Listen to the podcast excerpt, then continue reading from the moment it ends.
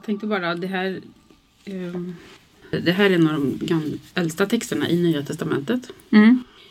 Vet ni inte att ni är Guds tempel och att Guds ande bor i er? Guds tempel är heligt och det templet är ni. Därför tappar vi inte modet. Även om vår yttre människa bryts ner förnyas vår inre människa dag för dag.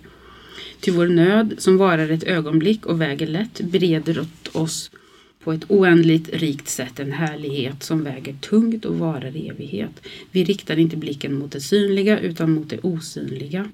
Det synliga är förgängligt, det osynliga är evigt. Och det här bygger alltså egentligen kyrkan sin tro på, men så har de gjort om den. Mm. Så om de skulle lära det här, då skulle kyrkan vara helt annorlunda. Mm. Mm. Eh, Så det, de går ju inte ens efter... Nej, det har blivit fel någonstans på vägen. Ja, det, alltså det, maktstrukturen. Liksom, de tänkte så här, men alltså det var ju en maktstruktur från början. Gamla testamentet att Gud satt där uppe och dömde och, och han krävde offer och allting. Och så kommer Jesus och säger nej men det räcker att ni älskar varandra och förlåter varandra liksom så är det lugnt. Mm. Och det kunde inte kyrkan ta in. Nej. För då, vadå? Vi måste ju ha offer. Så det var ju flera hundra år efter Jesu död som de kom på. Ja, han var offret. Liksom. Så då kom, kunde de få in det i läran ändå. Liksom. Det där med offer, ja. Det där med offer. Ja. För att de kunde inte släppa tanken att Gud inte straffar och kräver offer.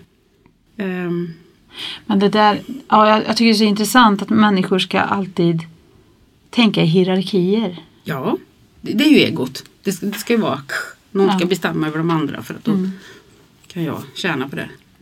De sålde till och med avlatsbrev, tog betalt för syndernas förlåtelse i pengar. Ja, det är helt det är helt galet. Och men- hela inkvisitionen. Ja, Alltså vad alltså, var ja. det? Mm. Så döda alla som inte tycker som vi. För i Jesu namn dessutom. Jag läste precis. Har du vatten så du klar eller vill du ha? Ja, jag har. Precis när du sa det så den som tror på mig ur hans innersta ska strömmar av levande vatten flyta fram. Kommer du ihåg när du drömde att du gick i livets vatten? Ja. I gymnasiet. Ja.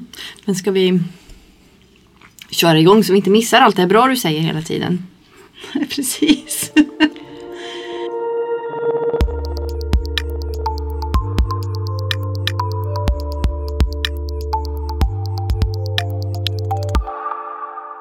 Välkommen till Själscoacherna, podcasten för dig som vill hitta hem till dig själv. Jag heter Regine Grundel och är intuitiv beteendevetare. Och jag heter Anna Andergran och är Sjunde sinnet-guide. Och jag heter Marianne Brunzell och jag är bland annat KBT-terapeut och hypnotisör. Och vi är så glada att du är här igen Marianne. Tack så mycket. Det är roligt att vara här igen. Ja, Det var ett tag sedan. Ja, Ja. Mm. det var det. Jag måste säga att ni är jätteduktiga som håller på och håller på. Ni har gjort många avsnitt nu. Hur många är det? Ja, vi är nog uppe på, det här närmar sig 50. Mm. Det är coolt. Bra jobbat och du har lagt ner jättemycket jobb med att redigera och greja och ni har fått hit jätteintressanta personer att intervjua. Och... Ja, till exempel dig. Ja. ja, idag är jag här. Ja. Men vad ska vi prata om idag då Marianne? Ja. Med min bakgrund så ju, finns det ju en person som har betytt jättemycket för mig. Och det är ju såklart då Jesus. Det finns väl ingen som har satt mer avtryck i världen än just Jesus. Århundrade efter århundrade pratas det, skrivs böcker, byggs kyrkor eh, om just den här personen. Så ja, han var en väldigt intressant människa som kom med något nytt. Ja, för du har ju lite bakgrund i den Mm, kristna i, världen också. I den kristna världen, ja precis. Samtidigt som du har det här sjunde sinnet-perspektivet. Ja, och för det var ju det enligt mig då som Jesus kom med. Ja. Han var ju helt i sitt sjunde sinne. Mm. Hur tänker du om det sjunde sinnet? Vad är det för något? Ja, det är ju I, I know, liksom. Att all, all kunskap har vi ju någonstans inom oss i vårt eh, inner knowing. Det, det som vi har längtat efter att få prata med dig om, som vi har planerat ganska länge, det är ju det här just perspektivet på Jesus, på Bibeln, kanske framförallt Nya Testamentet. Mm. och se på det genom sina, sin själs ögon Mm. och inte utifrån kyrkans tolkningar och doktriner. Mm. Kyrkan är ju, som jag ser det, en eh, maktstruktur helt enkelt. Mm. Där någon ovanför liksom ser ner och dömer och ja, bedömer Mm. och bestämmer. Att Gud liksom på något sätt skulle vara åtskilt från sin skapelse. Mm. Sitta där uppe och titta ner Ja, och sen bedöma om vi är bra eller dåliga. precis. Och att eh, de här universella lagarna skulle gälla för oss men inte för Gud. Men eh, Jesus säger ju själv i den här kända bönen Fader vår. Så som himmelen såg på jorden. Mm. Allt, alltså även Gud råder under de universella lagarna. Hur tänker du om... eh, Du, du börjar med att prata om Jesus där. Mm. Och att han har haft genomslag genom hela världshistorien. Eller Mm. ja, sen år noll i alla fall. Ja, ja. Och, och att vårt samtal idag ska handla lite om honom och kopplingen till det sjunde sinnet. Mm. När Jesus kom så kom ju han med ett nytt budskap. Det var Döm inte så ska inte ni bli dömda. Det är liksom grunden i hans lära. Och förlåt. Förlåt dina medmänniskor. Älska dina medmänniskor. Om ni älskar er nästa så har ni uppfyllt lagen. Mm. Och det är så konstigt hur man kunde missuppfatta det här. liksom, hur svårt kan det vara höll jag på att säga. Ja. Ja, varför tror du att man missuppfattar det? Jag vet inte det. Jag vet inte om det är, var medvetet att man inte ville förlora sin makt över folket. Eller om det var rent omedvetet att man själv var så fast i det här strukturtänkandet att Gud står över och dömer så att man inte ens klarade av att förstå. Mm. Det kan vara vilket som eller en kombination, lite olika. Mm. Om man tittar på Nya Testamentet så tror man ju att alla skrifterna där är i kronologisk ordning. Men så är det ju inte. Eh, De äldsta skrifterna i Nya Testamentet är Paulus brev. Eh, De här evangelierna som står först, Matteus, Markus, Lukas och Johannes. Eh, De är inte skrivna, alltså man har daterat dem till hundratals år efter Jesu död. Ja. Så det är ju liksom återberättat av det som är återberättat.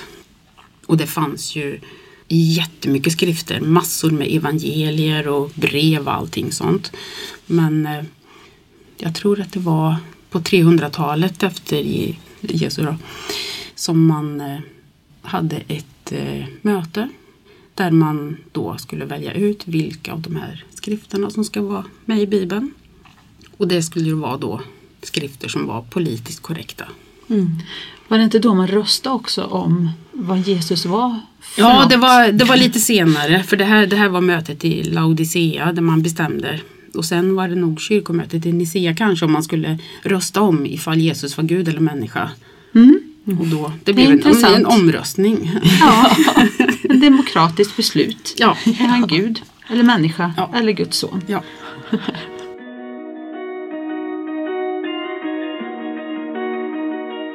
Det finns ett ställe där Jesus säger så här, står det inte skrivet i er lag, jag har sagt att ni är gudar.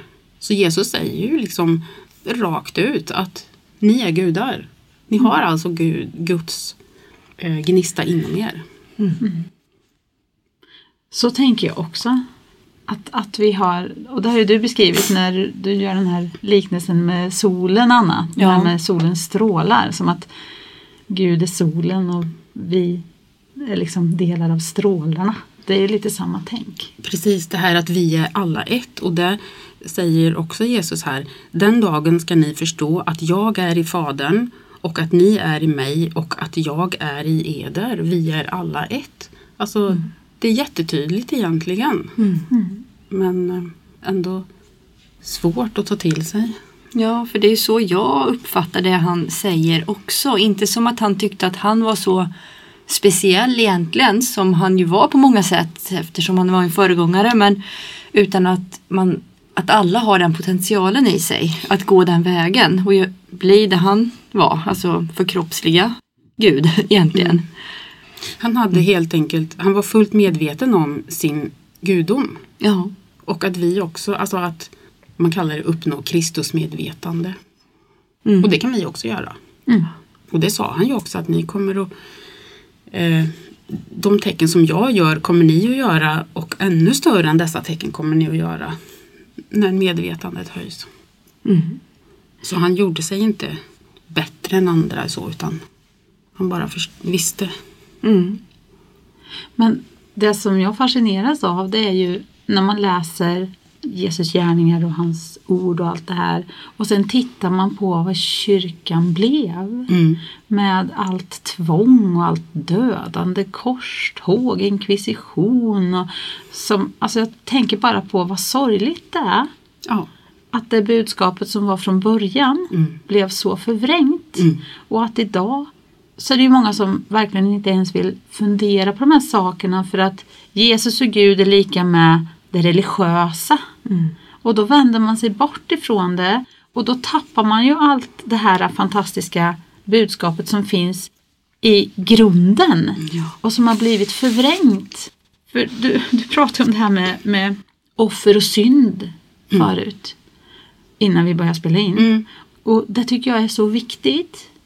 För du, liks, eller du sa att, att kyrkan kom från en plats där det handlar mycket om att man skulle offra till Gud och göra Gud nöjd. Mm. Och att han liksom skulle, Gud kräver helt enkelt offer.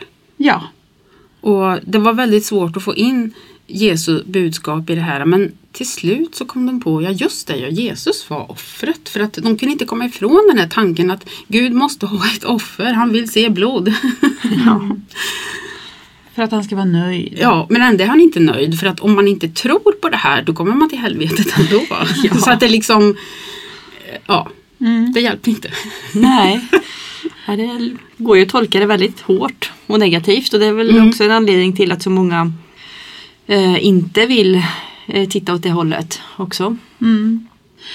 Så jag, jag tror det här, det här nya sättet som, eller för mig var det väldigt nytt och fräscht ditt sätt att uttrycka det på och läsa Bibeln med sjunde sinnet.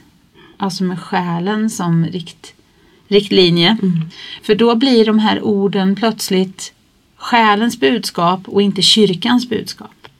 Och jag tror det är så viktigt att vi kommer ifrån det här med att kyrkan tycker och tänker och så här är det om, om eh, det här med Jesusberättelsen till exempel eller kontakten med Gud överhuvudtaget. Det är som att kyrkan och religioner har liksom fått patent på att tolka Gud åt oss. Mm. Och när vi förstår att om vi känner in och går inåt så kan vi själva tolka det här Mm. på ett mycket mer sant sätt. Mm. Och som sagt, Jesus han sa aldrig dyrka mig. Han sa Nej. följ mig. Mm. Ja, jag ska göra er till människofiskare. Han kallade sina lärjungar så sa han kom, följ mig. Mm. Inte dyrka mig. Och det här när, vad ska vi då göra? Ja, om ni älskar er nästa så har ni uppfyllt lagen. Vad var det för lag han pratade Var det de kosmiska lagarna tror du? Eller Alltså, var det, det alltså, de alltså la, lagen var ju Tora ja, som den var judiska, från judiska lagen. lagen. ja. Ja, just det. Och döm inte så ska ni inte bli dömda, för döm inte så ska inte ni bli dömda. Förlåt och ni ska bli förlåtna. För allt ni gör emot människorna, det kommer tillbaka till er. Alltså allt vad ni vill att människor ska göra mot er ska ni göra mot dem. Allt jag gör emot dig gör jag samtidigt mot mig själv.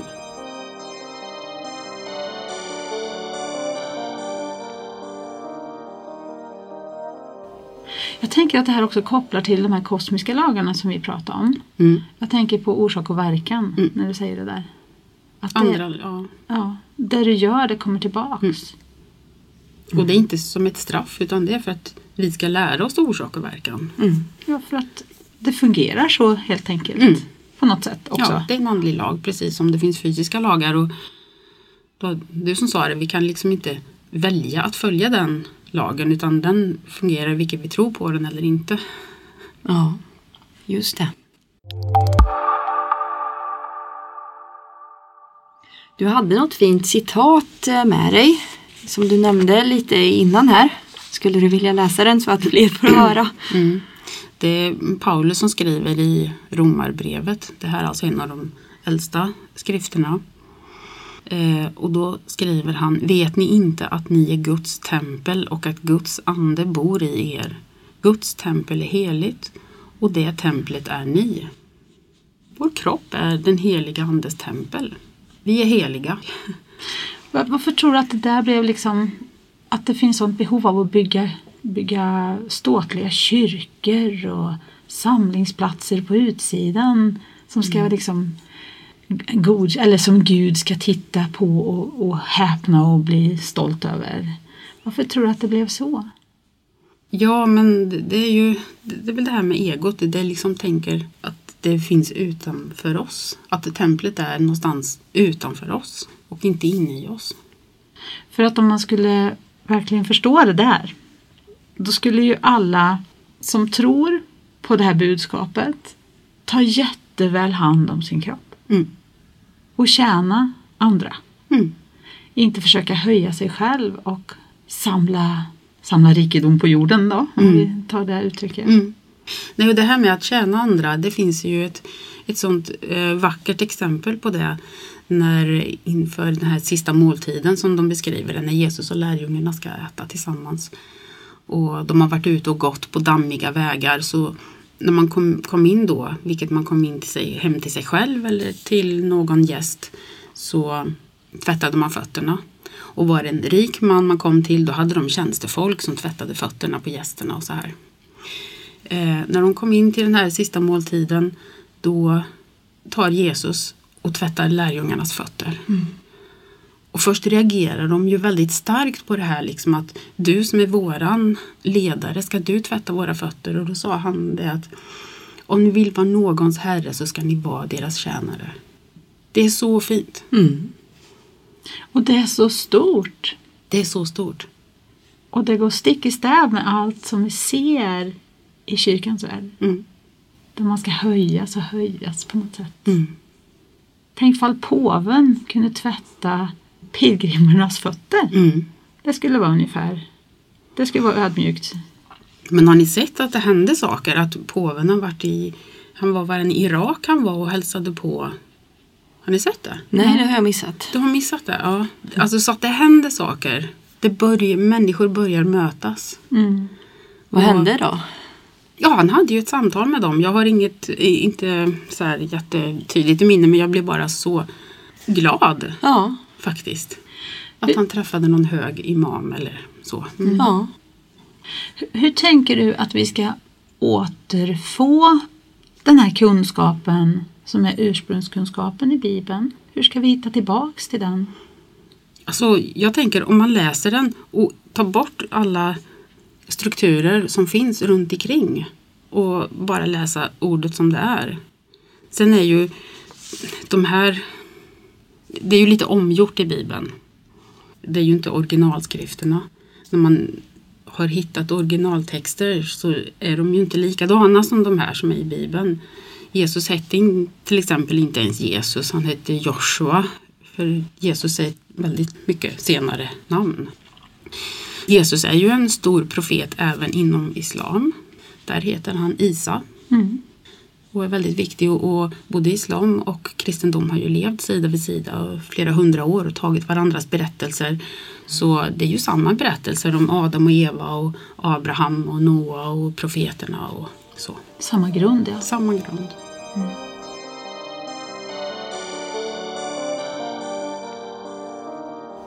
Men det här med att, att vi på något sätt tror att vi måste ha en, ett steg mellan oss och Gud hela tiden. En medlare. Ja, det är lite det som eh, kyrkan bygger på. Ja. Att här är Gud och då så är det någon som tar emot Guds budskap och sen ska den förmedla det till folket. Mm. Och folket ska tro på det som kyrkan säger. Alltså det är tron som gör dig salig. Mm. Men alltså, ska jag tro någonting som någon annan har bestämt? Och det här var ju så genomgående på medeltiden till exempel. Mm. Att om du inte tyckte och trodde som kyrkan ville, om du sökte kontakt direkt med Gud Mm. eller Jesus energin, ja då kunde du hamna på bålet. Mm. Och för mig blir det så här, det blir verkligen kognitiv dissonans. Det blir så här, men här är budskapet från Nya Testamentet och Jesus. Och här är handlingarna Mm. Som har utförts. Och det här går ju precis stick i stäv. Allting blir ju liksom upp och ner. Mm. Det motsäger han väldigt, väldigt mycket. Och då tror jag som du sa förut att det handlar på något sätt om att det har kommit in ett behov av att man vill kontrollera folk i det här. Och man vill på något sätt tjäna pengar på det. Men de troende som hittar sin själ och sig i tron. Jag tror det är de som man ser det här ljuset. För det är många som, som är eh, som är bekännande kristna eller andra Ja, religioner, som det, här, bara, det var det här handlar inte om att det, det är något fel på kristna människor. De är fantastiska, underbara, de gör så mycket gott och de vill så väl. Så att kristna människor är, det är underbara människor. Det är sådana man kan lita på och som verkligen vill gott. Utan det är själva den kristna läran, jag måste betona det, att det har inte med de kristna människorna att göra för de är väldigt bra. Jag upplever att det är många som vi kallar religiösa som, som har hittat sin själ i tron. Mm. Och de upplever jag som de här sanna, äkta, genuint vänliga, kärleksfulla människorna. Ja. Och det, det, det är det jag önskar på något sätt att fler skulle Mm. hitta. Ja. Och det måste ju inte gå via någon annan. Nej. Utan hur hittar vi vägen, raka spåret själva? Mm. Hur tänker du om det? Ja, det är ju en resa vi gör eh, in i oss själva. Att inte hitta svaren utanför oss själva. Ingenting utanför dig kan rädda dig eller ge dig svaren utan allting har du inom dig. Resan ska gå inåt. Eh, Jag har ett annat citat från Jesus här. Den som tror på mig, ur hans innersta ska strömmar av levande vatten flyta fram. Det är ju jättetydligt. Mm. Vi ska gå in i oss själva. Och Guds rike finns inte där uppe eller där nere utan Guds rike är inom er. Sa han inte också, jag är vägen, sanningen och livet? Jag har läst någonstans att eh, i början när- Jesus började att lära ut då, då var det ingen kyrka. För han eh, hade en lära som kallades för vägen helt enkelt. Jaha.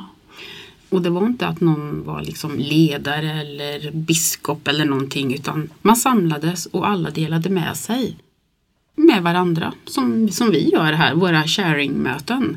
Att man delar med sig. Det är ingen som är liksom över de andra. Att liksom, nu är du ja, högre än mig eller så. Utan alla är ett.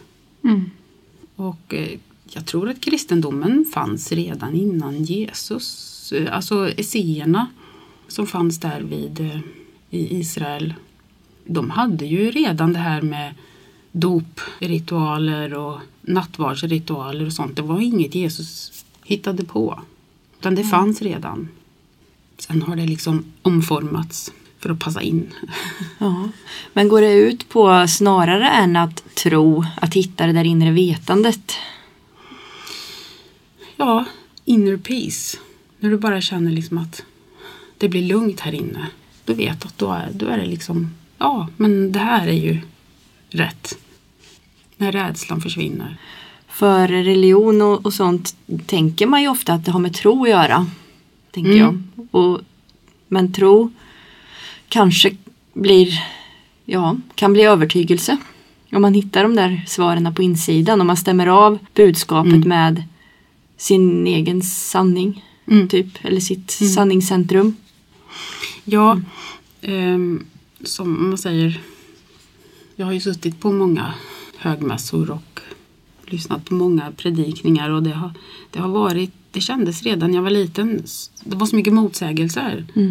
Ena stunden är Gud nådig och kärleksfull och, och älskar oss villkorslöst. Sen efter en stund då är han den straffande och liksom maktgirig och allt möjligt. Oresonlig, ganska grym. Och kräver blod och offer och sånt där. Så att de, alltså de bilderna går ju inte ihop. Det känns som gamla testamentets Gud har ett väldigt stort ego. Ja, det är ju ett stort ego. Ja. Och Jesus lära är tvärtom. Mm. Det är tjänande och det är dela med sig, ingen ledare. Älska, förlåta och ja. Ja.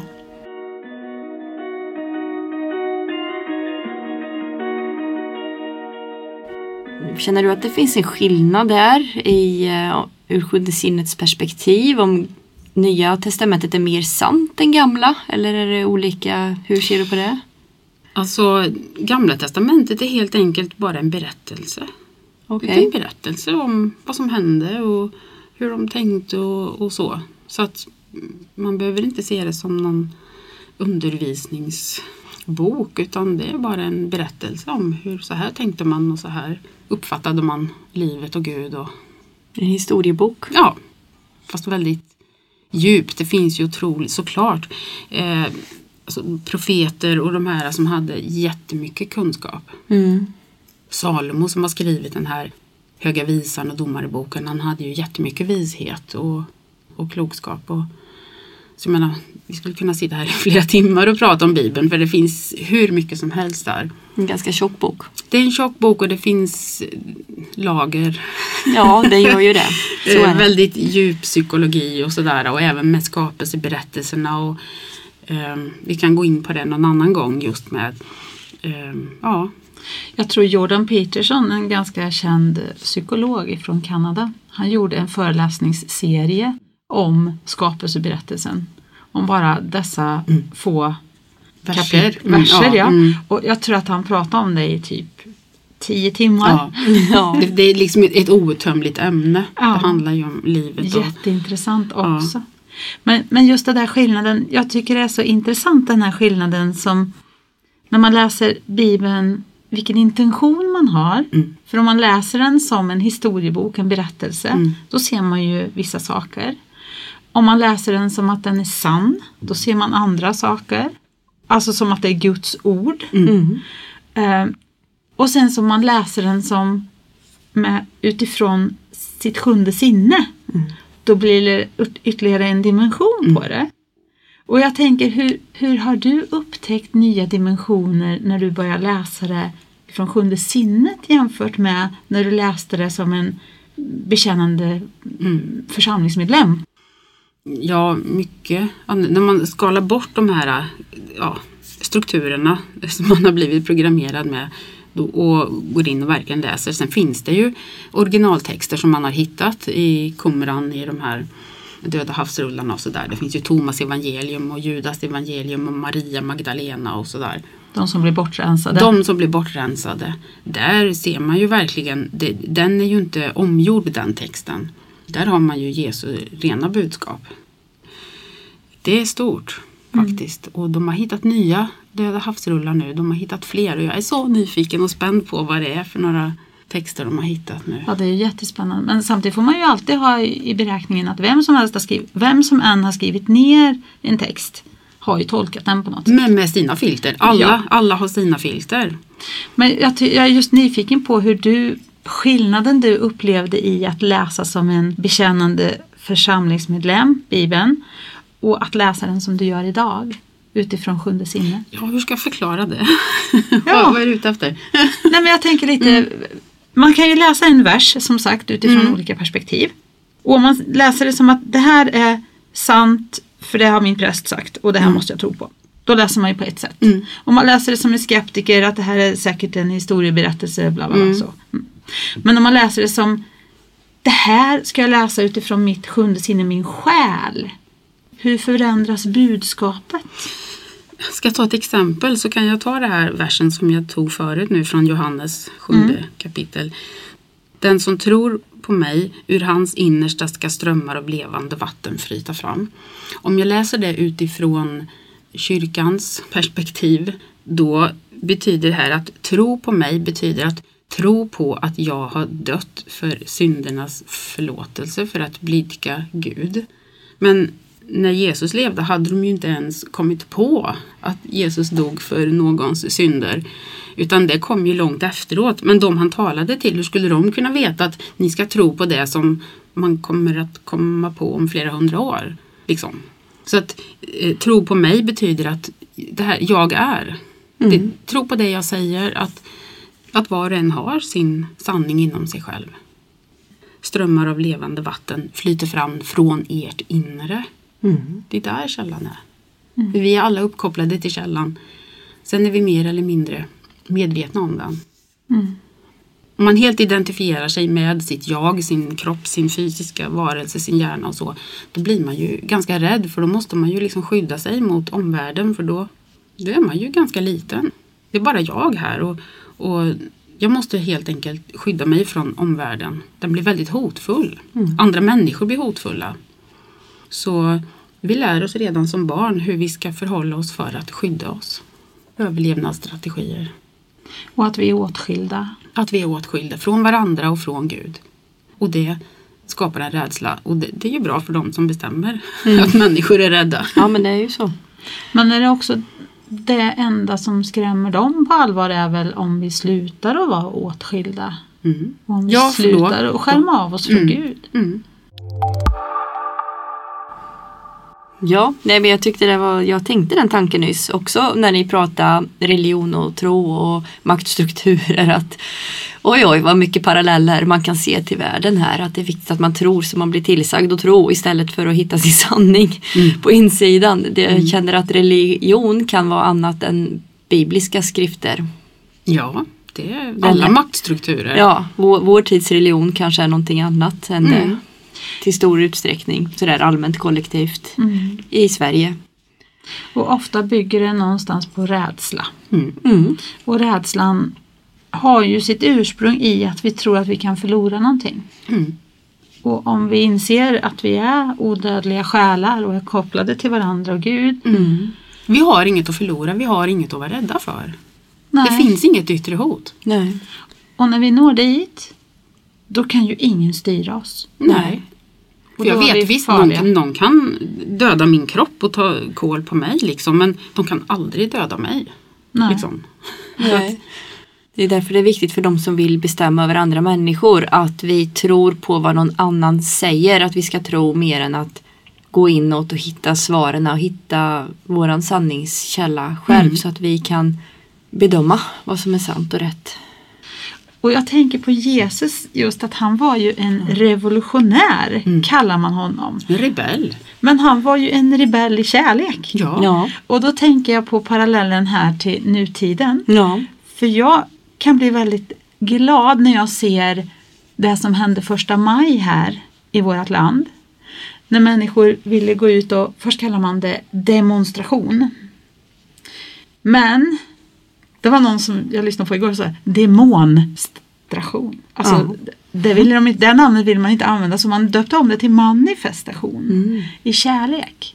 Och om ni tänker på bilderna från den här demonstrationen, nej förlåt, manifestationen, Mm. så är det, det, det är små hjärtan överallt och det är små kärleksbudskap här och där. Alltså, det är som att man har tänkt om där. Vi ska inte gå ut och trycka på vår sanning på andra. Vi ska gå ut och sprida kärlek. Och det är ju en rebellisk handling idag med. Mm. För det är ju många som blir jätteupprörda över de här manifestationerna och samlingarna och sådär. Men det är, jag kan tycka att det är lite likt det som skedde på Jesu tid.